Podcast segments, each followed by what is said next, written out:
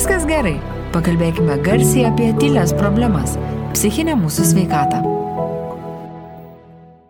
Tai sveiki visi, su jumis vėl podkastas AI, viskas gerai. Mes kalbame apie psichinę mūsų sveikatą, apie tylės problemas, e, kurias e, kartais sunku e, prakalbti ir prašnekti garsiai.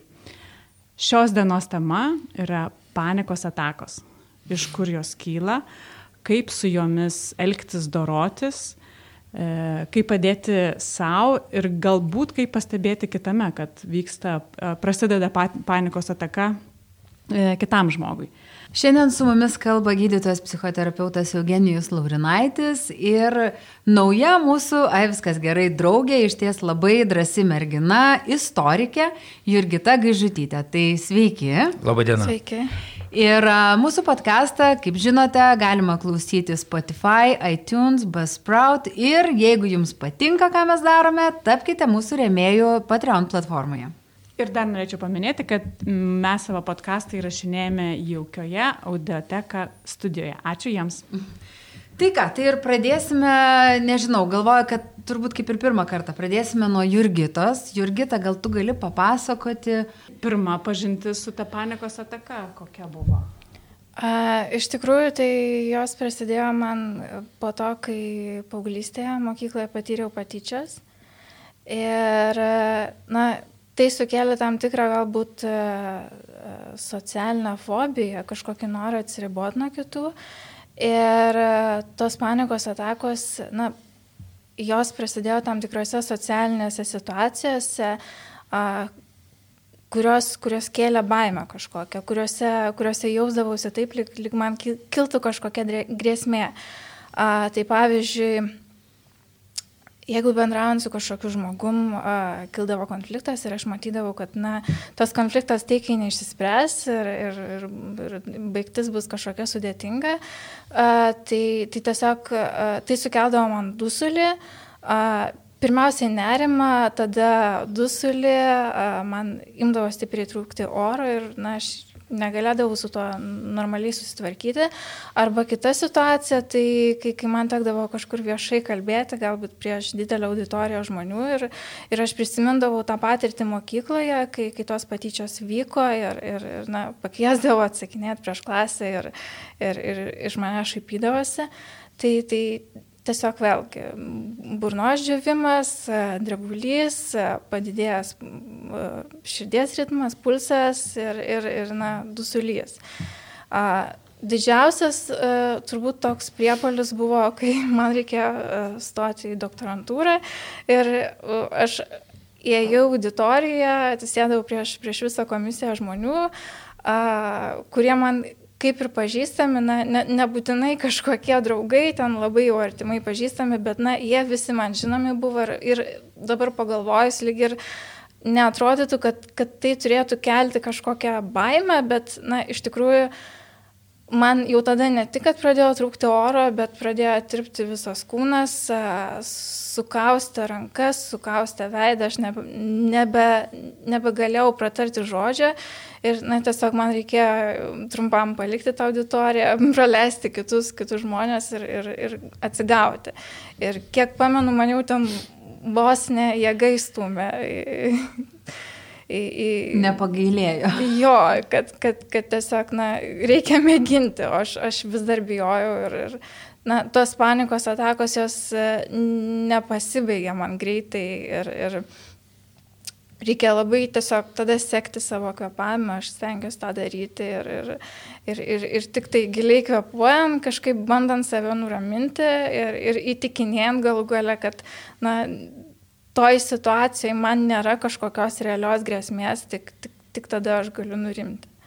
Bet tu pasupratai iš pat pradžių, kad, ai, va čia, va, panikos ataka, ar galvoji šiaip, va, nu, čia sustrikavo kažkas? Ne, iš pradžių aš aišku galvojau, kad, kad na, kaip, kaip galbūt ne vienas pagalvojo, kad čia kažkokios problemos su širdimi, kad, kad man tuoj sustos jį ir galbūt kažkas su kvepavimu. Ir, ir aišku, pirmas dalykas, ką dariau, tai, tai tiesiog kreipiausi į, į, į gydytojus. Ir, ir, Ir na, kol man nepadarė kelis kartus e, kar, širdies kardiogramų, visų kitų tyrimų, tol, tol iš tikrųjų aš nenurimau, kad, kad, kad čia vis dėlto nėra kažkas tokio, kas, kas galėtų sukelti mirtį, nes, nes kartu ir kyla nerimas ir, ir, ir iš tikrųjų ta, ta baime mirties tokia, kad, kad tu numirsi, kai, kai tu dūsti ir, ir tas nerimas.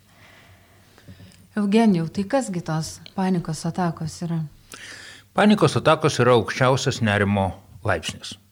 Iš tikrųjų, nerimas gali būti nuo labai nestipraus nerimavimo, kaip ten aš suspėsiu šiandieną nuvykti į darbą dėl to, kad kamščiai ar kas nors panašaus, tokių labai paprastų būtinių dalykų, iki tokio panikos lygio, kada žmogus tikrai jaučia, kad jau tuoj atrodo mirs arba išproties. Va tokios dvi pagrindinės baimės yra panikos priepolių metu, bet panikos priepoliai turi daugybę simptomų, kas yra iš tikrųjų labai klaidinantis dalykas žmonės, todėl kad iš viso panikai būdinga 13 simptomų galimų.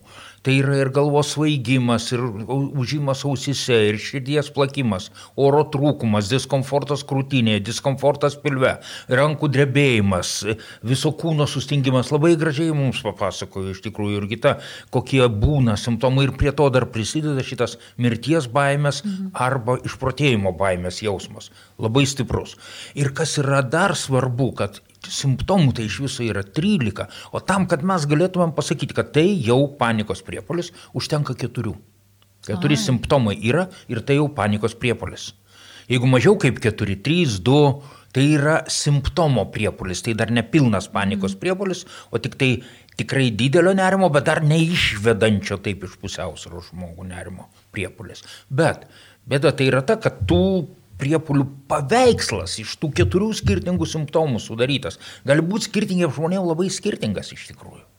Ir tai, ką pasakoju ir kita kitam visiškai turinčiam paniką nebūdingai, jis turi visai kitokius pojūčius. Mhm. Bet vis viena tai yra panikos priepolis. Ir jeigu grįžtam dabar prie supratimo, kas tai yra, tai visiems visada, visą savo gyvenimą aiškinau, kad tai yra psichologinės problemos išlendančios per kūno kalbą. Kūnas reikia, kad manyje kažkas vyksta ne taip. Ir kas tas ne taip, mes dar gal truputį pašnekėsim, bet viena yra visiškai akivaizdu, kad dėje, bet kadangi kalba kūnas, tai žmonės ir galvoja, kad su kūnu yra blogai mm. ir bėga pas daktarus paprastuosius. Ir ilgą laiką daktarai neturėjo savo galvose šitos panikos priepolių koncepcijos iš viso. Ir jie ieškojo tuose kūnuose, ką tik galima. Ir buvo tokia diagnozė sukurta daugelį dešimtmečių funkcionavusi neurovegetacinė distonija. Mhm. Tai yra, nu, tiesiog nu, simboliniai pavadinimai, kažkokie keiksmažodžiai, kurie su daktarai susiję tuo, kad apskritai yra įsivaizduojama, kad jeigu aš ką nors pavadinu, tai aš jau tai suprantu. O tai yra visiškai ne taip. Ir jūs tikrai irgi tą galite kaip istorikė puikiai žinot, kad mes galim pavadinti kažkokius įvykius kaip norim iš šiandienos perspektyvos, bet tai neskleidžia jų tikrosios esmės tuo metu, mm. tame kontekste, kur įvyko šitas įvykis. Mes tik pavadiname, tai pasilengvinam savo. Sau gyvenimą. Tai darydavo daktarai, jie pasilengvindavo truputėlį savo gyvenimą, bet iš tikrųjų nieko padėti tiems pacientams negalėjo. Todėl, kad iš tiesų panikos priepoliams gydyti yra tik vienas būdas - tai psichoterapija. Mhm. Tai čia yra vienareikšmiška.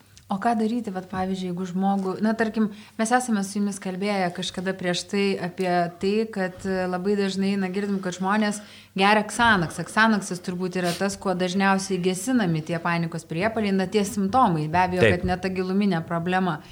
Kada juos tos medikamentus reikia vartoti? Ką daryti, jeigu žmogui, pavyzdžiui, ištiko priepalis ir jis neturi tų medikamentų? Tai vis...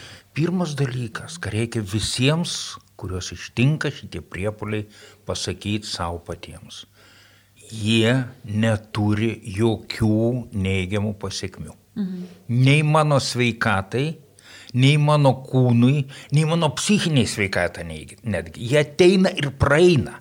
Ir vienintelis dalykas, ką jie padaro, jie sukelia lūkesti sekančio galimo priepolio. Aha, va, būtent tai va, aš ne baimė mhm. tarp priepolių. Taip. Ir tai netgi ne, nu, čia jau beveik baimė, nes aš žinau, kas tai yra priepolis, tai aš laukiu, kada vėl ateis. Mhm. Tai tai yra lūkesčio nerimas, mes taip vadiname šitai. Bet jeigu mes kalbam apie kokias nors pasiekmes, jokių pasiekmių šitie priepoliai nesukelia išskyrus būtent šitą lūkesčio baimę. Mhm. Ir ta baimė gali būti tokia stipri, kad jim paralyžiuoja žmogų, jis nebeišeina iš namų, jisai sėdit, nes tik ten yra saugu, o visur kitur, kur tik nueisiu, gali mane ištikti ir ten nebus greit gydytojų, neatvažiuos greitai greitoji, aš neturiu tokių vaistų, kurie akimirksniu man nuimtų šitą priepolį ir todėl žmogų gali privesti iki invalidumo. Oho. Tikrai tokie dalykai yra aprašyti ir žinomi. Tai bėda yra būtent ne pats priepolis, o tas, kas pasilieka tarp jų kaip nuosėdos manyje. Bet pavyzdžiui, va, to priepolio metu, va, kaip Jurgita irgi dalinosi, kad išmoko kvepuoti. Vat man iš tikrųjų būna, aš jau atrodo, kad jau atpažįstu, vat aš ir neringai sakiau, man pradeda viskas, man pradeda tirpti rankos, šalt, pradeda mušti širdis ir aš jau tada suprantu, kas ateina, aš tada ramiai bandau kvepuoti, kažkaip ten kalbėti. Tai vad kaip, kaip, kaip dar gali žmogus. Pirmas dalykas, ką reikia savo pasakyti, kad iš tikrųjų panikos priepolio užvedimui didžiausia reikšmė turi kvepavimo gilis ir dažnis. Jeigu mes kvepuojam per giliai ir per dažnai, mes patys užvedam panikos priepolį. O jau būtent taip norisi kvepuoti, kai man pradeda trūkti oro. Ir mes visai nesuprantam, kodėl jo trūksta. O čia kaip pasirodo yra paprasčiausia fizika. Kuo daugiau mūsų kraujyje hemoglobinas prisotintas degonimi, tuo jis blogiau atiduoda tą degonį kapiliaruose. Tai yra mes esam persikvėpavę, o organai jaučia degonės badą. Tai yra paradoksas, tai yra baro dėsnis, tai yra paprasčiausia chemija. Ir tam, kad mano organai nustotų jaustą badą. O koks organas daugiausiai degonės gauna? Taigi smegenys, jos sudaro 2-3 procentus kūno svorio, o gauna 10 procentų kūno kraujo. Joms reikalingas šitas kraujas yra būtinai tol, kad jos arė ne tas žodis kokiu greičiu. Ir kai joms trūksta degonies, o trūksta kaip tik dėl to, kad jo per daug kraujyje, mm. jos siunčia pavojaus signalus. Baisu, toj kažkas įvyks, kažmariško. Ir iš tikrųjų reikia išmokti kvepuoti ne taip dažnai ir ne taip giliai. Ir gal jūs net matėte, amerikoniškose filmuose yra tokie paprasti būtiniai metodai, kaip savo padėti panikos priepolio metu, paimti popierinį maišelį ir mm. kvepuoti į jį. Ir tuo pačiu oru jį iškvėpti, kvėpti, iškvėpti, kvėpti. Jo sudėtyje anglės dvideginio po truputį didėja, o degonės mažėja. Ir tada mažėja šitas persotinimas degonimi, kuris yra mano kraujyje. Okay, aš visą laiką galvodavau, kodėl yra gerai tą maišelį kvėpuoti. Matai, tai dabar tai būtent dėl to, kad aš kvepuoju tuo pačiu oru, kurį iškvėpiau.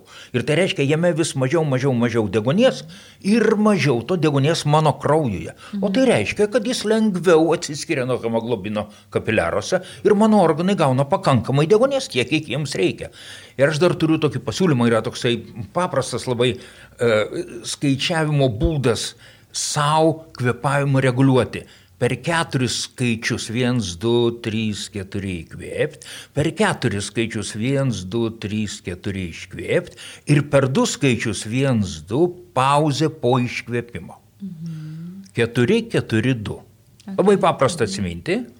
Kokiu greičiu skaičiuoja, čia jau jūsų reikalas, gal reikėtų pasitreniruoti ne priepolio metu, nes priepolio metu jau reikia naudotis tuo, ką turiu, o ne mokytis naujų dalykų. Taip. Iš tikrųjų, bet esmė tai yra ta, kad kvepavimas yra vienas iš tų efektyvesnių būdų priepolį sustabdyti ir neleisti jam įsibėgėti. Mhm. Pagrindinis dalykas - neleisti jam įsibėgėti. Kai jis jau įsibėgėjo, tai tada belieka vienintelis dalykas - pralaukti. O pralaukti irgi nereikia labai ilgai - 10, 15, 20 minučių maksimumas, mhm. kiek trunka toks intensyvus, o paskui jis po truputį rimsta, mhm. slopsta, simptomai praeina. Ir galima apsičiupinėti ir pamatyti, kad viskas vietai. Čia kaip jogui reikia keturis kartus iškvėpti ir tik tris kartus įkvėpti. Čia panašiai labai. Panašiai, panašiai, jogoje panašiai kalba, bet joga tai irgi yra vienas iš labai senų savireguliacijos metodų.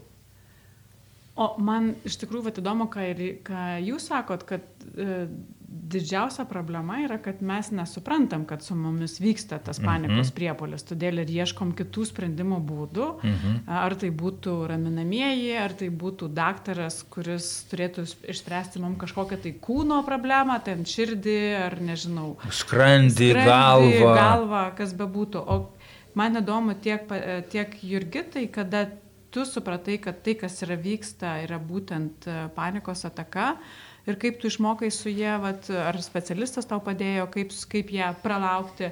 Ir taip pat e, Eugenijaus, kiek yra mūsų apskritai sveikatos apsaugos visa sistema, jau žinanti, kad vat, jeigu jau atėjo du kartus žmogus. Tai gal irgi to papasakos mums, aš manau, šitai. Na, tikriausiai, kad tai yra panikos ataka ir kad tai nėra mirtina, aš supratau tada, kai užėjo ir praėjo. Ir, ir kai tai buvo... Likai gyva, ne? Jo, ir likau gyva. Aišku, dar, dar gal tą pliusiuką tokį nuraminantį uždėjo, kad visi tie tyrimai e, kreipusis į gydytoją, bet, bet aišku, tos atakos niekur nedingo. Ir, ir ta baime kiekvieną kartą, kad aš galbūt numirsiu, vis tiek užeidavo, bet kadangi man praeidavo ir, na, galima sakyti, aš tiesiog pripratau, kad tai, na, nieko man neatsitiks nuo to. Um, Kaip galbūt išmokau tvarkytis, tai, tai jau minėjau, tas, tas kvepavimas. Dėl to, kad įvykus panikos atakai aš jausdavau, kad pradedu labai greitai kvepuoti. Ir, ir, ir paviršiuje. Taip, ir visas mano kūnas susikausto, kaip jau minėjau, pradeda netgi galūnės tirpti, veidas tirpti, visokie tokie reiškiniai. Ir tiesiog kartais netgi sulaikydavau keliom sekundėms kvepavimą ir, na, tarsi priversdavau save visą kūną tiesiog atsipalaiduoti. Jeigu sėdėdavau, tai išglepti toj kėdėjai, nes, nes, nes kai, kai išsigasdavau, susikastudavau, kumščius suspausdavau ir, ir, na, tada niekaip atsipalaiduoti nepavykdavo. Tai, tai vat, tokie dalykai. Na ir dar, dar kartais padėdavo mm, susikoncentruoti kokį nors daiktą ir tiesiog stebėti, nagrinėti, kažkaip analizuoti. Pavyzdžiui, jeigu aš laukia, tai, tai stebiu, kaip eina žmonės, važiuoja automobiliai, kažko, ar šiaip į kažkokius, kažkokius smulkius dalykus, tarkim, nežinau, sienose, tapetai kažkokie ir, ir raštus ir, ir tai padėdavo kažkiek. Čia tokios technikos, kurios padeda sugrįžti į realų pasaulį, realiai, smegenims. Nes aš jausdavau, kad su kiekviena savo panikos ataka aš tarsi norėdavau pasprūkti nuo tam tikros situacijos, kuri man būtent atrodydavo pavojinga ir mhm. nemaloni galbūt kažkuom. Ir, ir nes ta ataka prasidėdavo ir aš tarsi atsijungdavau tam momentui, tai akimirkai nuo, nuo tos visos realios situacijos ir susikoncentruodavau save, į tai, kas vyksta ir, ir, ir daugiau nieko aplink nematau, nebegirdžiu ir, ir lieku su tą savo baime, bet, bet būtent taip pabėgu nuo, nuo to, kas vyksta realiam gyvenime. Na, aš manau, kad Jurgita čia tiesiog fantastiškai gražiai papasakojo, kokia yra funkcija mes turim prisiminti vieną paprastą teiginį, kuris gali pasirodyti visiškai absurdiškas iš pradžių, bet visi simptomai mums tarnauja. Ir va šitai pripažinti, kad aš iš jų gaunu naudą, taip kaip dabar papasakoju irgi, tai labai sunku. Nes atrodo, kai aš paklausiu savo visų pacientų, sakykit, o kokią naudą iš jų gaunat, ko jie jums tarnauja jūsų simptomai. Ne, nieko, ką jūs, aš tik noriu, kad jų nebūtų ir taip toliau. Netiesa, netiesa. Ir jeigu mes grįžtam prie panikos priepolių, tai jiegi iš tiesų atsiranda dėl didžiulio vidinio konflikto tarp kažkokio noro ir noro. Noro būti, pavyzdžiui, toje atrankos procedūroje, kuri doktorantūrai reikėjo stoti. Ir noro nebūti, tai kad gal paklaus kažko, kur aš pasirodysiu kvailas, kur aš neatsakysiu teisingai, kur iš tikrųjų palyginus su kitais, tai aš būsiu visai niekas, visiškas niekas. Ir tada užeina jau toks priepolis, kad aš jau ten išsėdėti nebegaliu. Ir ir varau. Bet jūs įstojot į doktorantūrą. Taip. Įstojot. Reiškia, kas yra, kas yra. Svarbiausias dalykas, kuo tarnauja šitie panikos priepoliai, jie tikrai paleidžia mane iš realybės, tos situacijos, kurioje aš jaučiu tą vidinį konfliktą ir nueinu į savo kūno pojūčius ir kūnas mane gelbė.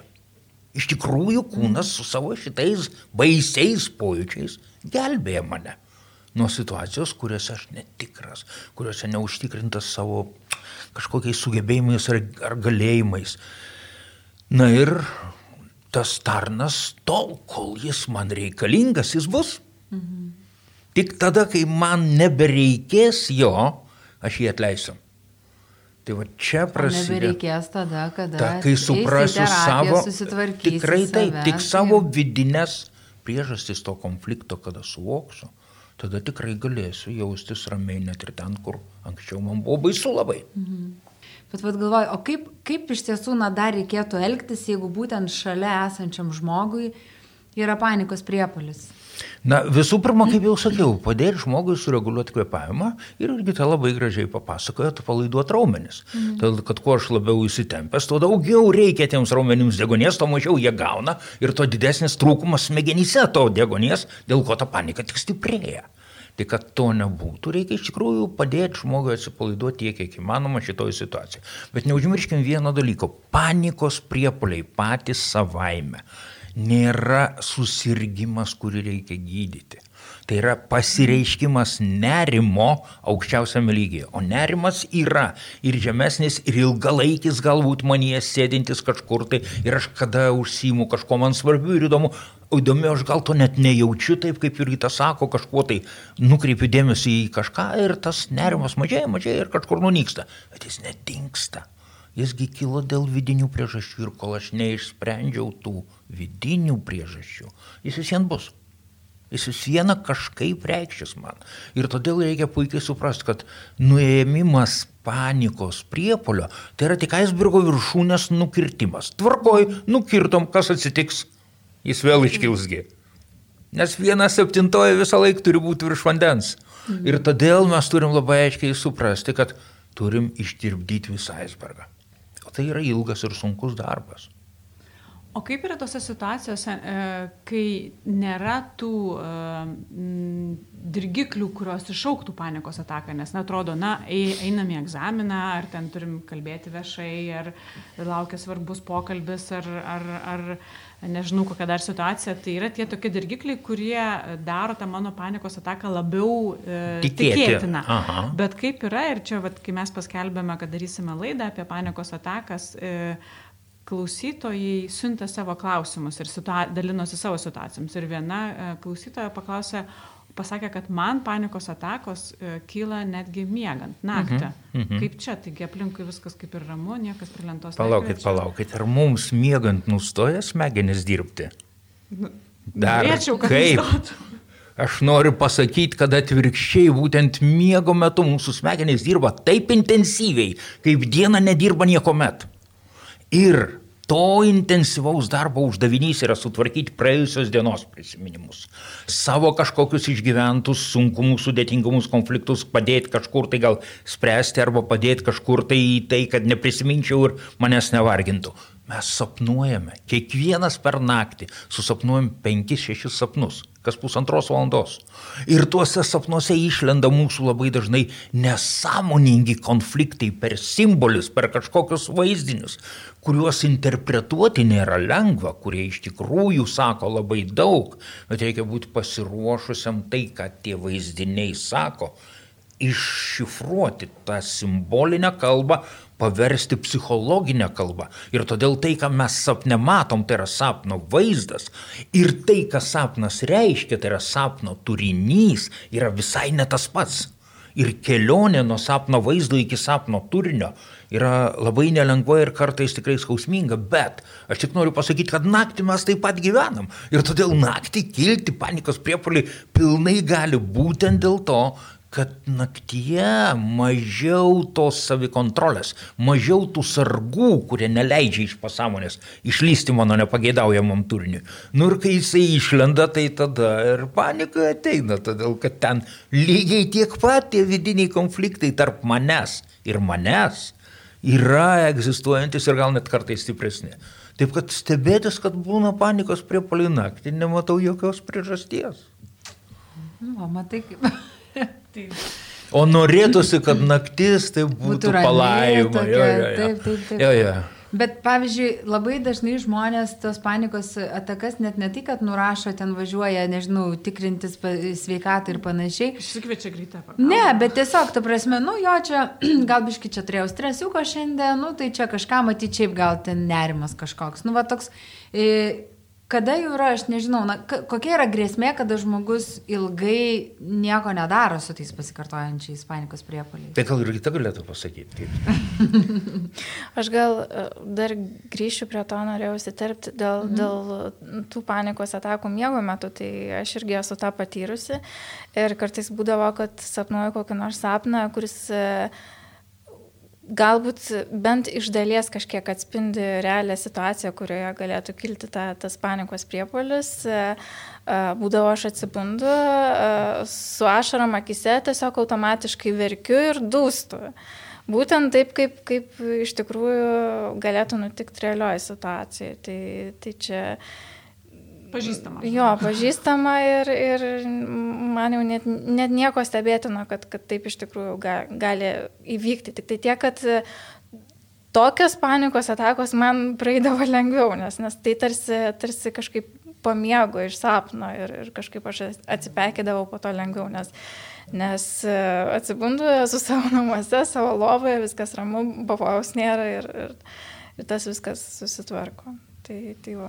O kaip tada dėl tų uh, lempučių apie kaglę sakė, nes jūs irgi minėjot, kad jau, kad kai jau yra keturi, keturi, keturi simptomai. simptomai, tai jau... Tai Panikos jau priepolius. Tai kada, kada vat, žmogui suprasti, kad čia ne šiaip sutriko širdis ir plaučiai, o kad jau reikėtų, kad kūnas rėkia visom įmanomam priemonėm? Na, pirma, turbūt svarbiausia yra ta uh, susivokimo forma, kad tai ne kūnas susirgo Tai yra mano bėda su psichologiniu savo paties gyvenimu, kuris tik išlenda per kūną.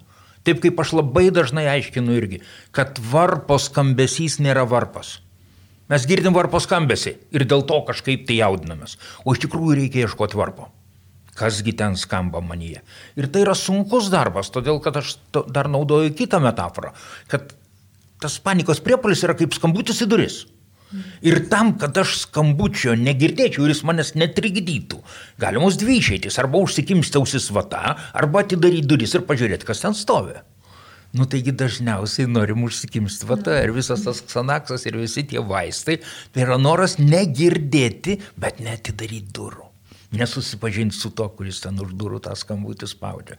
O su ausim yra bėda, kaip ir su visų kitų mūsų reagavimo, reiškia, stereotipų rinkiniu, kad mes užsikemšom, kurį laiką negirdim, bet paskui vyksta akomodacija ir ausis vėl pradeda girdėti, reikia daugiau vatos, dar daugiau, dar daugiau. Tas pats yra su, pavyzdžiui, tais visais raminančiaisiais ksanaksų ir, ir visokiais lorazepamais, lorafenais ir taip toliau. Jų dozes tenka vis didinti ir didinti. Vatos ant ausų reikia vis daugiau ir daugiau, bet jie nieko neišsprendžia. Bet gal yra tokių panikos atakų, kur jau pakvepavimas neišeis, ar čia visom iš tikrųjų? Aš noriu tik pasakyti, kad tai, ką aš pasakiau, tai yra tik tai greitoji pagalba tuo panikos momentu, kada man labai baisu. Bet spręsti, dėl ko panikos atakos kyla ir priežastį šalinti, o neslopinti, tai jau yra psichoterapija. Tai nėra tie greitosios pagalbos būdai. Ir todėl tik tai nepagalvokit, kad dabar išmoksit kvepuoti 442 ir galite ramiai savo gyventi toliau visą gyvenimą. Ne, ne, ne, ne. Taip nebus. Su raminančiaisiais, tai man taip pat teko susidurti ir netgi su antidepresantais. Tiesiog skyrė, kreipiausi į psichiatrą ir, ir, ir skyrė man tokius vaistus. Tai kuriuos aš galiausiai mečiau, nes, nes tiesiog suvokiau, kad e, be, be kažkokios psichoterapijos, be reguliarių konsultacijų man tai nepadeda ir tai tarsi, na, slopinimas to simptomo, bet, bet e, tos realios problemos iš tikrųjų neišsprendžia. Ir, ir, Ir raminamųjų vartoti tokiais atvejais tikrai na, niekam per daug nepatariu, nes, nes prie jų priprantama ir kaip gydytojas sakė, kad reikia, reikia vis, vis didesnių dozių, kad, kad, kad tai veikti. Tai ta prasme, tu tiesiog tau davė vaistus gerti, bet terapijos kartu nebuvo. Tai nebuvo medikamentinis ir terapinis gydymas. Terapiją aš turėjau, e, na, tik tai paauglystėje, po, po tų patirtų patyčių keletą metų, na, paskui jau nebe ir, ir liko tik tai, tik tai vaistai. O kaip, vat, man dar įdomu, kiek jūs uh, iš tų žmonių, kurie ateina pas jūs uh, identifikavę, kad jau jiems panikos atak, atakos, kiek jų atsiuntė gydytojai, pasakė, kad nu, nėra pas jūs jokių sveikatos problemų. Žinot, čia galiu tai pasidžiaugti, kuo toliau, tuo daugiau. Todėl, kad iš tikrųjų prieš kokius 30 metų, prieš 40 metų, kai aš pradėjau savo darbą, tai tokių beveik nebuvo, kad siūstų su tais neurovegetacinė distonija pacientus pas mane. Dabar visų pirma tos diagnozės nebenaudoja, iš tikrųjų drąsiai rašo panikos priepoliai ir iš tiesų siūlo kaip kas, kas siūlo pas psichologą nueiti, kas pas psichoterapeutą, nes ir gydytojai nelabai skiria kompetencijas vieno ir kito, sakykime. Pas psichiatrą nusiuntus dažniausiai ten vis dėlto bus gydoma tik tai vaistais ir vėlgi, kaip sakė Jurgita, tai yra tam tikras simptomo nuslopinimas, bet tai jausmas, kad tu vieni po pagalbę truputėlį tiesa. O kai kalbam apie psichoterapiją, tai jinai atstato mano adaptaciją šitame pasaulyje, susitaikant su savim pačiu. Kad aš ir tų norų, ir tų troškimų, ir tų baimių, ir tų ambicijų galiu turėti visko ir niekas nuo to nesubyra, nesugenda, nesutrinka. Tai yra normalu, žmogiška. Teisybę sakau. Taip, ir iš tikrųjų, e, man netgi kartais pagalvodavau, jog na, tie priepaliai dar, dar ir kildavo dėl to, būtent dėl to, kaip jau minėta, vidinio kažkokio tai konflikto ir, ir tų neišspręstų problemų. Ir kas blogiausia, kad e, tai labai skatindavo, didindavo socialinę izolaciją ir, ir, ir ne visi žmonės iš tikrųjų priimdavo tą, tą mano tokią būseną suprasdavo netgi iš artimųjų šeimos narių, tiesiog esu, esu girdėjus ne kartą, kol, kol jie nesuprato galiausiai, kad tai yra, jie man sakydavo, kad na, čia tavo kažkokios manipulacijos tiesiog, kad na, tu čia kažką apsimetinėjai, kažko, kažką bandai gauti iš mūsų tuo tokiu elgesiu, tai tas iš tikrųjų. Dar ir negražesnių žodžių suranda, esterikuoji. Taip, išvadindavo egoistą ir, ir taip toliau. Tai, tai būdavo labai, labai skaudu ir, ir netgi kartais nesinorėdavosi kreiptis į kažką pagalbos ir, ir kad kažkas tokiai situacijai, na, na bent jau palaikytų, kažkaip padėtų, kai, kai esu viena būtent dėl, dėl, dėl kitų žmonių reakcijos. Nes, nes tarsi gėda. Tarsi, taip, va, taip. vėl aš šiandien tik ir, tai dėmesio reikalauju. Taip, kad reikalauju tik tai dėmesio, kad galbūt aš esu na, kažkokia netokia, keista, bloga, galbūt kitiems žmonėms gyvenimą to apsunkinu ir, ir taip toliau. Nu, taip, aš irgi vat, apie šitą kažkaip ir vat, pagalvojau, kad e, dažnai pas mus būna taip, kad mes bijom pasirodyti kažkokie, net nežinau, net ne tai, kad silpni, nesilpni, bet iš tikrųjų čia man nesusitvarkau, jo, nesusitvarkau. Mes bijom kitoniški būti, todėl kad iš tikrųjų su tolerancija mūsų visuomenėje yra prastokai. Mm. Kai buvo atliekami Lengvai tyrimai, tai buvo kiekvienas apibūdina save kaip labai tolerantišką, bet kai paklausia, ar norėtų gyventi šalia Romo, žydo ar homoseksualo, tai pasirodo gal geriau ne. ja. Tai čia yra mūsų tolerancijos paradoksai. Tai kai žmogus yra kitoks, tai iš tikrųjų tos tolerancijos ryškiai mažėja. Ir reikia pasakyti, kad čia nėra vien lietuviškas brožas. Su visokiais psichikos sutrikimų simptomais, o panika be abejonės yra psichikos sutrikimo simptomai.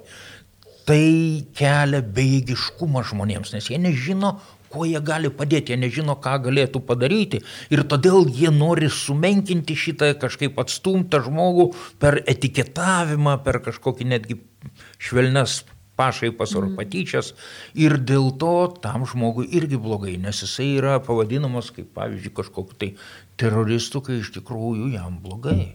Jam labai Ir tada bloga. jisai nebesidalina kitą kartą, kai jam yra blogai, jisai tą laiko savo viduje. ir Bet ir dar vienas blogiau. dalykas įvyksta, atsitolinimas, va ta socialinė fobija, jin auga todėl, kad jeigu kiti nenori manęs išgirsti ir suprasti, tai man nereikia prie jų eiti, nes nėra jokios naudos iš to. Mhm. Ir tai yra bėda didelė.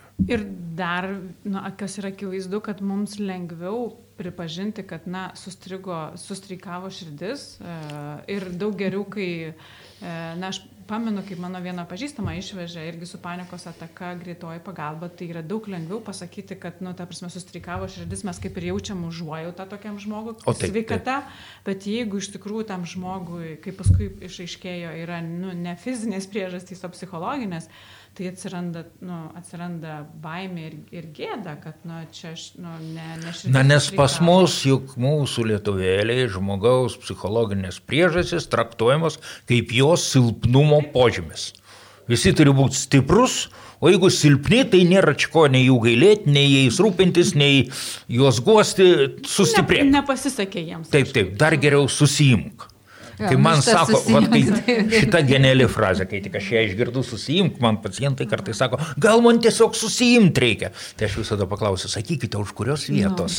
Nu, taip. O žiūrėkit, o nėra taip, kad yra vis tiek kažkokie tai išoriniai trikdžiai, kurie padaro tas e, panikos atakas arba žmon, žmonės, kurie labiau linkia į panikos atakas, e, nu, jas išaukti. Na, aš dabar kalbu, vad grinai, ką mes dabar, e, kuo, kame mes gyvename, turime pakankamai panikos pilną situaciją šalyje, ne tik šalyje, visoje Europoje, dėl konkrečiai dėl, e, dėl koronaviruso. Ir, Tai ir visam pasauliu jautrumas- šiandien Trumpas uždraudė į Europą ir iš Europos į Junktinės valstijas skraidyti. Taip, tai tos, e, kiek yra faktų, kiek yra panikos, mes čia nematuosim, bet ar nėra tam tikrų situacijų, kurios iš tikrųjų pa, pa, pa, pa, pa, padidina arba pagausina tų panikos? Gal jos tokį labiau sukelia nerimą ir tas nerimas kylantis tą paniką užaugina?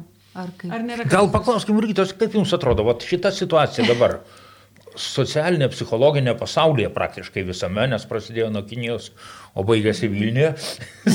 Na, man tiesiog atrodo, kad tai, tai vienokiu ir kitokiu būdu žmonėm kelia įtampą. Ir žmonės įsitempia, jie kažko bijo, jie pastoviai galvoja apie ateitį, kaip čia bus, kaip čia tas, anas. Ir, ir na, na, bet Tada kam kiltų ne. Taip, ir, ir man atrodo, tiesiog e, tas, tas, čia kaip, kaip sniego gniužtė ir vis, vis ridenas, ridenas ir Didėja. didėja ir, ir tampa į didelį senį besmegenį. Bet pas jūs nėra daugiau klientų paskutiniu metu? Ne, jūs nepastebite, ne, kad- tikrai per, čiagi savaičių bėgėje tas viskas vyks, vystosi dabar.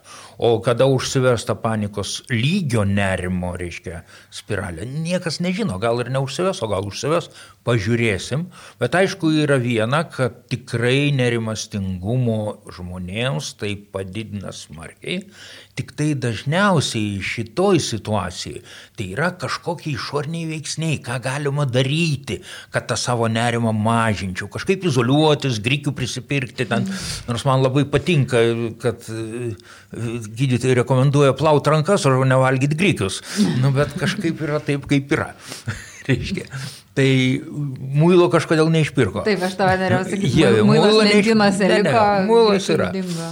Va, bet jeigu grįžtumėm prie to e, apskritai įtampos nerimastingumo lygio visuomenė, tai žinoma padidina. Žinoma, aš pavyzdžiui, jau šiandien turėjau iš pat ryto du skambučius apie du renginius, kuriuose turėjau šnekėti ir juos atidėjo. Viskas. Mm. Vienas turėjo būti rytoj, kitas turėjo būti poryt, nebebus. Juos perkels kažkur tai vėliau, bet Suprantu, kad iš tikrųjų nesinori turbūt ir saviškių, ir savo būsimų svečių kažkaip tai vesti į nerimą, nes rizikos tai dar nėra tiek daug, bet nerimo tai tikrai padidins tokie susibūrimai. Tai tam yra, aš galvoju, pakankamai adekvačiai priimami sprendimai. O kaip jūs vadinate, nu, aš gir- girdėjau dabar iš jūsų, jūs naudoja du terminus. Yra panika ir nerimas. Aha. Čia jie skiriasi, kažkaip vienas yra mažesnis, kitas didesnis, nes ir internete mačiau, kad yra panikos atakos ir nerimo atakos. Ar... Ne, ne, nerimo sutrikimai turi, tai ką aš sakiau, simptomų ataka, jeigu mažiau negu keturi simptomai iš panikos priepolių rinkinio, tai tai nėra panikos priepolis, tai yra simptomų priepolis, o kokios simptomų ko? Nerimo simptomų, be abejonės. Tai nerimas yra tas bazinis mūsų psichikos sutrikimas, kuris net netitinka realių aplinkybių. Jis, tiesą sakant, niekada netitinka. Todėl, kad jeigu mes kalbėjome apie baimės ir nerimo skirtumą, tai baimė yra kaip ir nerimas. Jausmas nukreiptas į priekį, jausmas apie pavojų priekyje, tik baime apie žinomą pavojų. Aš žinau, kas už kampo stovi ir laukia manęs. O nerimas apie nežinomą. Aš fantazuoju, koks ten pavojus už kampo. Ir todėl jis jau tampa nebe reakcija į išorinę realybę, o reakcija į mane patį į mano vidinę realybę. Nes mes visi gyvenam dviejose realybėse - vidiniai ir išoriniai.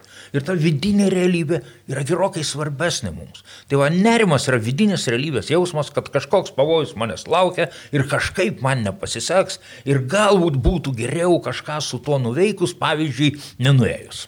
Pavyzdžiui, supanikavus. Taip, ir tai panika yra labai geras pasiteisinimas. Atsiprašau, man sveikata sutriko, aš negalėjau. Kaip sakėt, širdis. Jau? Bet, Pavyzdžiui. bet pavyzdžiui, vat mes dar prieš tai, kai kalbėjom apie tą ratą užburtą, kur tau yra panikos priepolis, tai tau jisai baigėsi ir tada tu sėdi ir bijai, kad jisai vėl bus. Kokia yra tikimybė, kad jisai jis gali vėl pasikartoti ar, ar, ar negali vėl iškart prasidėti? Nu, ta prasme, vat, Irgi ta, kaip ten užsivedimas paties savo. E, iš pradžių man būdavo tokiu atveju, kai, kai tas labai gazdino, tai iš tikrųjų taip, aš sėdėdavau namuose viena ir galvodavau, kada tas vėl pasikartos, kada prasidės ir tas prasidėdavo. Tas, tiesiog pagalvojant. Ir, ir, ir ta įtampa kildavo vidinė, vis stiprėdavo, stiprėdavo ir, ir, ir tai, tai iš, iššaukdavo. Be, be atrodo jokios kažkokios grėsmės ir realioj kažkokiai situacijai. tai realiai mes nenusiraminę jį patys išprovokuojame. E, Na, kažkas panašaus bent jau man vykdavo. Kai, kai tas nustojo taip gazdinti ir kai, kai supratau, na, kad nemirsiu ir nieko tokio neatsitiks, tai, tai, tai tas jau be tokių realių situacijų, kur, kur tikrai supanikuoju, tai pavyzdžiui, man reikėtų viešai kalbėti kažkur, tai nekildavo. Tiesiog jeigu ramiai namuose ar, ar, ar, ar, ar kažkaip, tai, tai tikrai nebūdavo kažko, kažko, kažko, kažko kas, kas tą iššaukdavo. Bet ir, ir pasikartodavo jau tik tai, tik tai tam tikrose kažkokiose situacijose. Bet iš pat pradžių tai jo, tas, tas būdavo gan dažna. Netgi mm, esu susidūrusi su tokiu iš tikrųjų, na, kažkoks kvepavimo sutrikimas, kai aš jausdavau, a, jog negaliu įkvėpti ir negaliu iškvėpti. A, norėdavau tarsi nusižiovauti ar atsidūsti ir man nepavykdavo. Ir, ir tas sunkumas krūtinėje vis stiprėdavo ir stiprėdavo. Kažkaip labai suprantamai linguojate galvomis.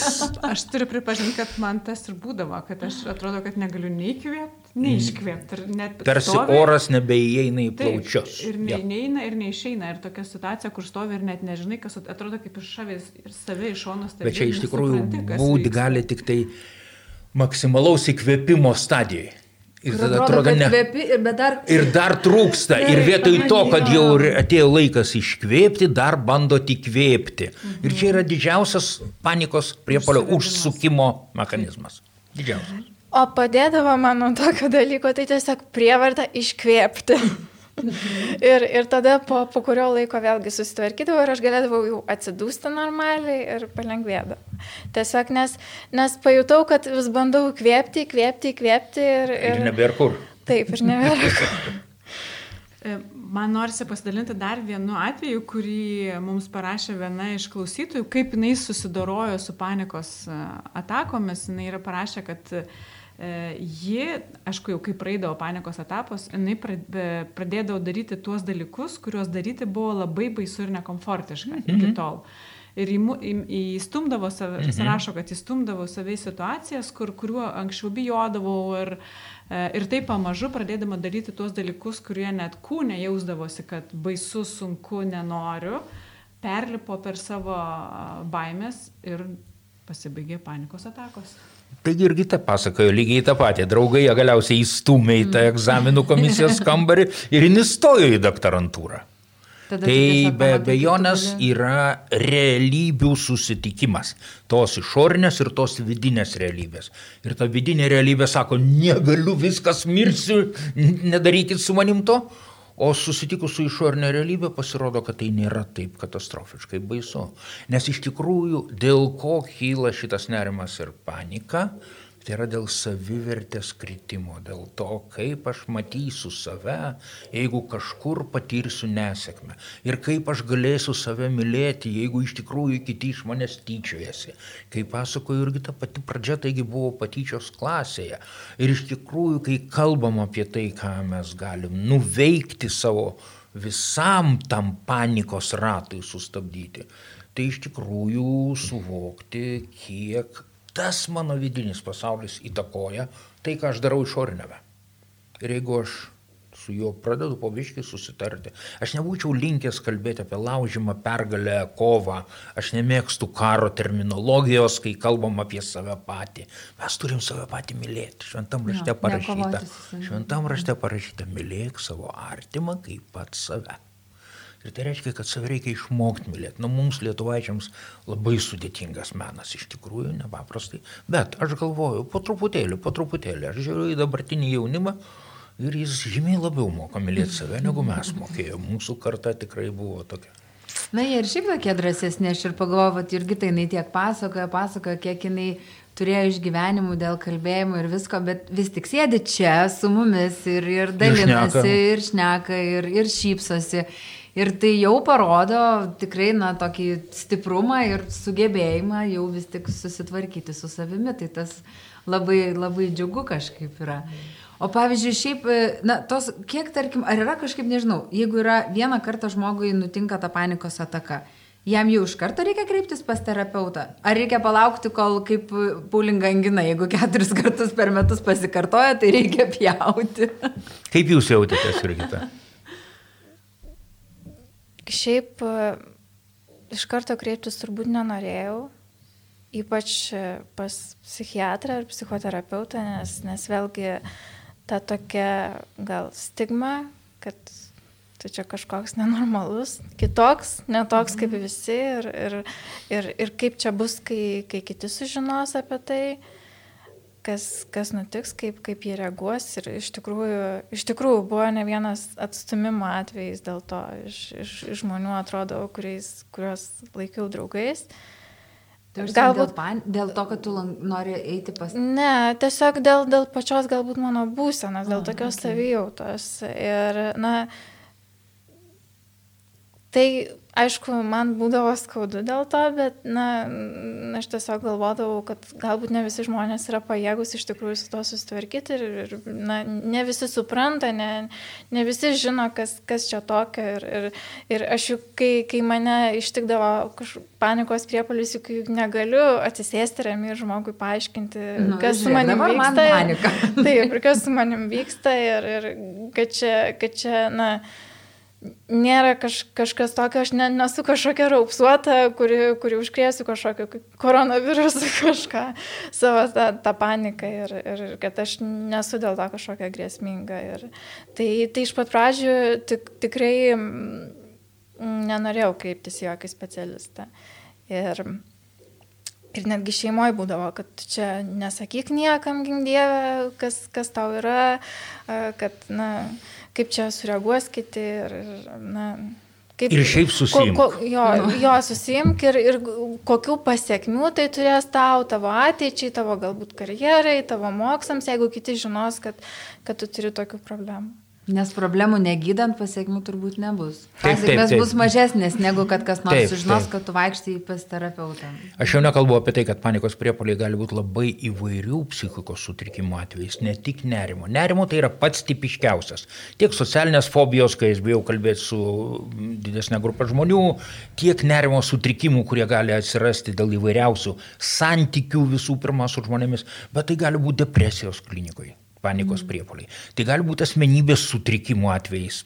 Pavyzdžiui, narcizinio asmenybės sutrikimo atveju, jeigu žmogus patiria didžiulę nesėkmę, jis įsivaizdavo, kad pasaulis turi suktis taip, kaip jam reikia, jis būtent to reikalavo ir staiga pasaulis pasisuko visai kitaip.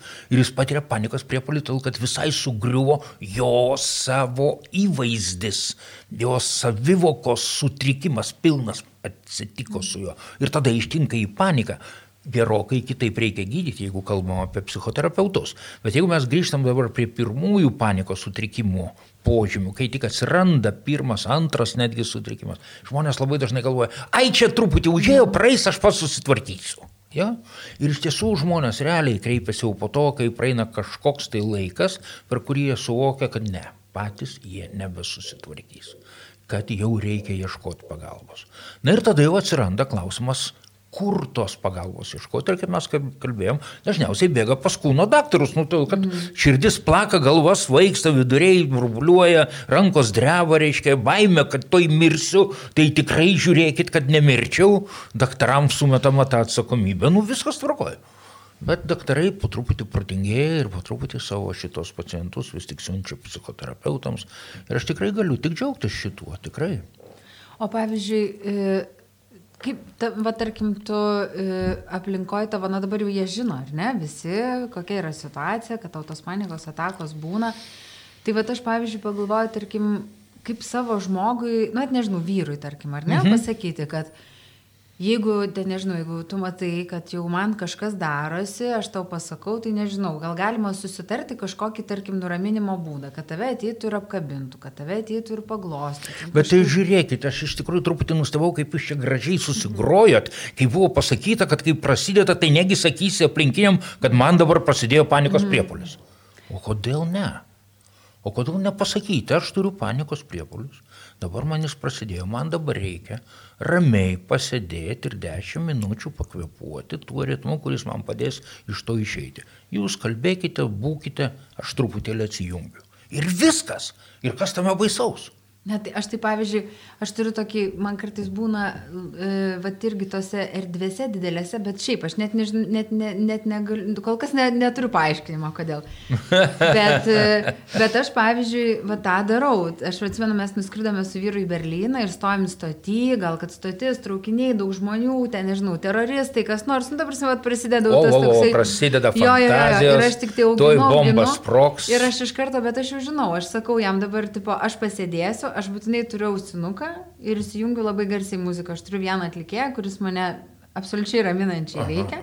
Aš įsijungiu visų garsų muziką ir pradedu stebėti aplinką kaip filmą. Bet lygiai yra tas pats, aš atsitraukiu. Mhm. Ir aš įsivaizduoju, kad aš esu filme. Vat man čia yra filmo soundtrackas ausyse ir aš stebiu žmonės, aš tada matau juos kaip kažkokius personažus, galbūt kažką ir va tada viskas, aš jaučiu tik tai... Tai galima ir romaną sukurti. Nu tai va, bet... va Parašys tą knygą. Nu, tai va čia va, yra, pavyzdžiui, iš tiesų mano va, toks. Tai ir galėtų metodas, būti bet... panikos priepolių knyga. Iš tikrųjų, žmonės dabar labai dažnai įvairiausius neįprastus savo potyrius kažkaip tai įdeda į žodžius ir tai yra labai įdomu.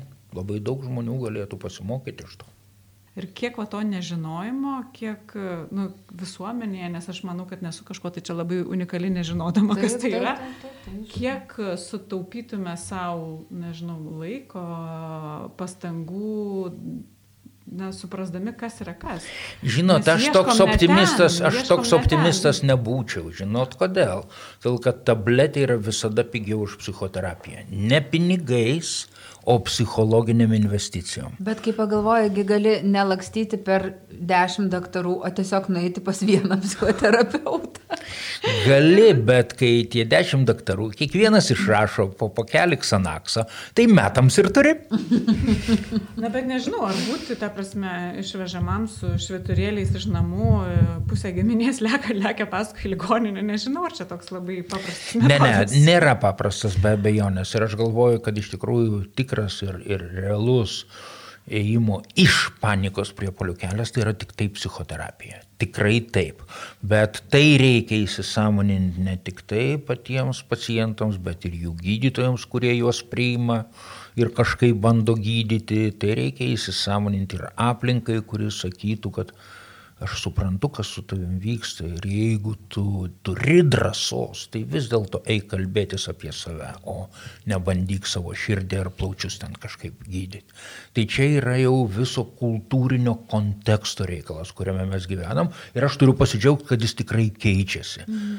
Ypač per pastarosius ketverius, penkerius metus, tai tikrai žymiai drąsiau žmonės pripažįsta, jog tai yra psichologinės bėdos ir ieško psichoterapinių sprendimų kelių.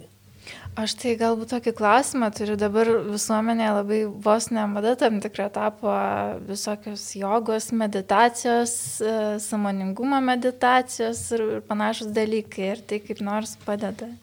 Tol, kol nėra panikos priepolių, labai gali padėti patvarkyti gyvenimą. Tai yra normalaus gyvenimo savireguliacijos metodai. Mhm. Viskas tvarkoja.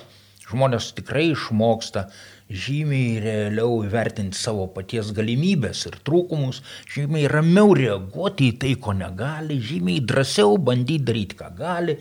Labai gerai. Visa tai yra labai gerai. Bet jeigu jau prasideda bėda, o panikos priepoliai jau yra bėda, čia jau reikia nebe tų hygieninių metodų, o terapinių metodų, gydomųjų.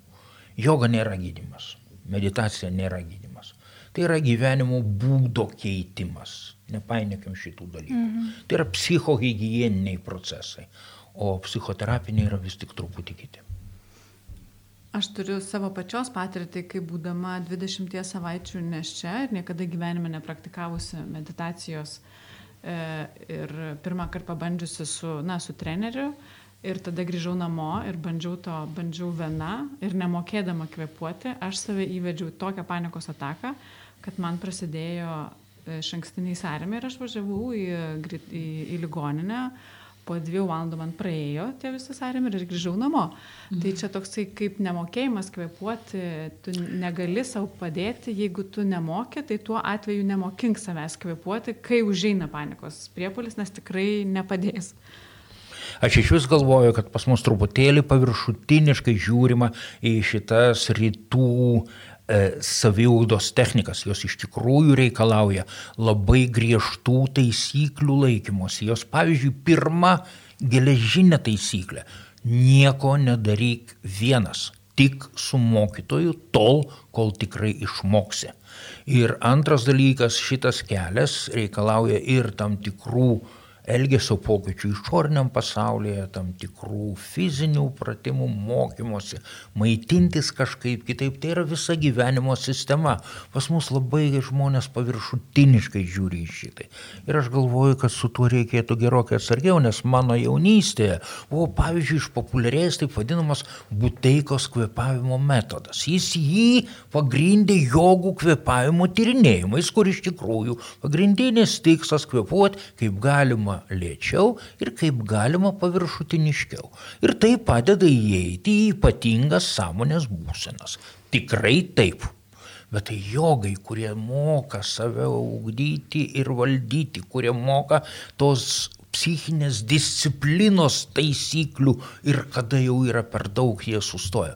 O čia prasidėjo visoji Sovietų sąjungoje kvepavimas pagal buteiką ir psichiatriniai skyriai prisipildė jaunų pacientų su klėdesiais ir halucinacijomis.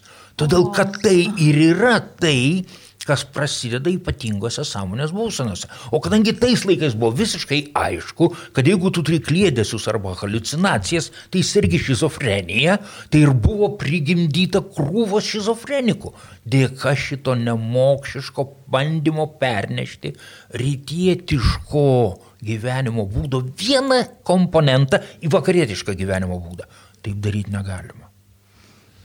Man dar labai yra artima, ką Jurgita šneka apie viešą kalbėjimą, nes aš pati mokinu viešo kalbėjimo ir e, taip pat noriu paklausti Eugenijaus. Vienas yra e, na, metodas, apie, e, apie kurį aš daug skaičiau ir knygose apie taip, kaip veikia mūsų smegenis, kad tai iš tikrųjų yra, mūsų kūnas turi labai gerą išlikimo mechanizmą na, kad mes išliktume, mes turim arba sustingti, arba bėgti, arba, arba kovoti. Arba kovoti. Na, tokį, va, tuose pradinėse mūsų roplių smegenyse yra toksai mechanizmas. Ir jisai yra mums labai naudingas. Tik tai problema, kad mes jį pradedam taikyti ne gyvybinėms grėsmėm, o psichologiniam grėsmėm. Ir kai mes išėję kalbėti viešai, jis, iš tikrųjų, tai esam prieš auditoriją, o smegenyse vaizdas toksai, kad mums iš, iš, iš, tuo išlys liūtas iš kampo ir nukas mum galvą Ir mes įvedam save į tokią, vat, į tą visą, į, visas kūnas eina į tą parengties būseną, kad dabar reikia, na, arba sustingti, arba kovoti, arba pabėgti. Todėl, vat, jeigu dar galim pabėgti, pabėgam ir pasakom, ačiū, ne, labai susirgau, ne, neteisiu šiandien pas jūs pakalbėti. Bet esmė, kad mes naudojam tą, vat, iššaukiam organizmo reakciją, kuri iš principo yra gera. Čia ne mes tenais. iššaukiam, jūs truputį ne taip formuluojat. Ta organizmo reakcija išlikti gyviems yra pirminė ir mes ten neturim jokio šanso įsikišti, nes jin atsiranda per 0,2 sekundės. Ar saugu ar nesaugu, per 0,2 sekundės. Ir tai reiškia, kad tai, kas man saugu arba nesaugu, yra mano ankstyviausios patirties šiame pasaulyje panaudojimas. Ir saugumo, nesaugumo jausmas mums atsiranda per pirmosius 12 gyvenimo mėnesių. Jis nepriklauso nuo mūsų, jis priklauso nuo mūsų artimiausio žmogaus, kaip jisai mus priėmė, kaip jisai mūsų poreikius tenkino, kaip jis reagavo į mano baimės ir išgaščius pirmaisiais gyvenimo mėnesiais, kiek mokėjo nuraminti ir kas yra labai svarbu, ne žodžiais, o savimi pačiu, jeigu kalbam apie mamą, kiek jin mokėjo tą vaiko kūdikėlio baimę priimti, pervirškinti ir atiduoti jam atgal saugiu pavydalu. Ir tai yra dalykai, kurie yra be žodžių padaromi arba nepadaromi. Ir tada jau mes išsinešam į tą suaugusiojo gyvenimą daugybę baimių, kas toj gali atsitikti, jeigu, pavyzdžiui, aš kažko užsinorėsiu, jeigu kažką pabandysiu, jeigu kažką parodysiu. Ir kai mes kalbam apie, pavyzdžiui, tą scenos socialinę baimę ir taip toliau, tai čia neliūtas, čia jie mane toj puls ir suvalgys. Bet kaip aš labai dažnai pasakoju žmonėms, kurie ateina su panašiais dalykais, kaip aš jaučiuosi ir elgiuosi, aš niekada nebijau auditorijos. Nes auditorija yra sudaryta iš pavienių žmonių. Ir su kiekvienu iš jų aš neturiu jokios baimės nekėti. Tai kodėl aš turėčiau bijoti, kai jie susirinko kartu? Lygiai tas pats su kameros baime. Viešpatė, taigi už kameros sėdi tie patys žmonės. Aš su jais galiu šnekėtis. Tai kodėl negaliu su kamera šnekėtis? Juk už jos jie. Kai suprantu, kad iš tikrųjų visa ta minė yra sudaryta iš atskirų žmonių, su kuriais galima pasišnekėti. Ir kuriuo aš nebijau. Tai kodėl bijot minios? Žinoma, yra minios mechanizmai, kurie jau yra specifiniai ir kurie tikrai gali užėjti psichozę ir ten gali pridaryti visko. Na, užtenka pasižiūrėti visokiausių, reiškia, muzikos dievaičių koncertų stadionuose, ten visokių dalykų vyksta, jo. Bet tai čia jau yra psichozė ir mes, jeigu kalbam apie dėstytojo darbą, apie aktoriaus darbą, apie lektoriaus darbą, ten psichozės nevyksta salėse. Tai dėl to mes galim kaip ir per daug neužsifantazuoti. O yra kokie nors, nežinau, tokie dažniausiai pasitaikančios, na, aš net nežinau, kaip pavadinti dabar, aplinkybės galbūt, kuriuose žmonės ištinka tos panikos atakos. Na, pavyzdžiui, tikrai manau, kad yra gana dažnas dalykas žmonių, va, ta baime, va, tarkim, kalbėti. Socialinio. Jo. Arba, pavyzdžiui, renginių metu, kada yra labai daug žmonių, va, Mhm, prasideda. Yra kažkokie tokie keletas dalykų? Yra. Yra didžio, didelių atvirų erdvių baime, kur jeigu jau taip didelė, kad visai jaučiuosi, nebesuvaldysiu, gali ištikti panika, tai nerimas, išauga iki panikos lygio. Uždarų erdvių baime. Tikrai taip. E, Kažkokiu socialinių situacijų baime. Dažniausiai ten, kur aš įsivaizduoju, kad e, man reikės pasirodyti, aš turėsiu kažkaip išeiti ir eksponuoti save. Mhm. Bet kai kalbam apie kitokias baimės, pavyzdžiui, yra vorų, gyvačių, tenais e, lygų baimė ir taip toliau, čia jau nebevadinama e, šitais nerimo sutrikimais, čia specifinės fobijos mhm. ir su jomis dirbama yra truputėlį kitaip specifiškai. Kaip mirties, pavyzdžiui, baime, ar jinai gali iššaukti? Turbūt gali, aš galvoju, kaip ir bet kuri kita. Bet ar čia pasitaikanti tokia yra? Yra pasitaikanti mirties baimė, tik jin mūsų kultūroje. Aš suprantu, bet mūsų kultūroje va, toks ryškus išlindimas mirties baimės kaip panikos priepolio metu dažniausiai neįvyksta. Jinai pas mus kažkur tai truputėlį e, ne visai sąmoningam lygi, bet egzistuoja visą laiką. Nes kuo žmogus skiriasi nuo viso išorinio kito gyvojo pasaulio, jis žino, kad mirs. Gyvūnai pajunta, kad mirs, kai ta mirtis artėja. Jie nežino, kad mirs. Mes žinom, kad mirsim. Ir iš tikrųjų iš to kyla daugybė grinai žmogiškų e, fenomenų ir procesų. Mes ieškom gyvenimo prasmės. mes stengiamės suvokti skausmo kančios prasme šitame gyvenime. Mes stengiamės suprasti, kas liks po manęs, man tai rūpi. Mes stengiamės suvokti, kaip iš tikrųjų aš išeisiu, tai irgi rūpi. Ir pavyzdžiui, labai įdomu, kad kada kilo vat, šita visa su koronavirusu susijusi panika, tai Marcelio Prūsto Maras dabar yra viena, tai yra Albero Kamiu, atsiprašau, Maras tapo žymiai populiaresnis Prancūzijoje, ten jį vėl pradėjo skaityti. Nu, įdomi knyga iš tikrųjų, verta pasiskaityti ir šiaip, bet kažkaip jiems vat, susiasocijavo, kad laikas pasidomėti. Lygiai taip pat man patiko vienas anegdotas, jau čia žydiškas, kai e, vienas klausė, kito klausyk, jos, o kaip tu galvoji, kodėl žmonės e, prieš mirtį pradeda skaityti šventą raštą? Jis sako, nu ką, ruošiasi stojamiesiams. Tai manau, kad Tai šito gražių puikiu dalykų, gražių dalykų duoda tas panikos atakos.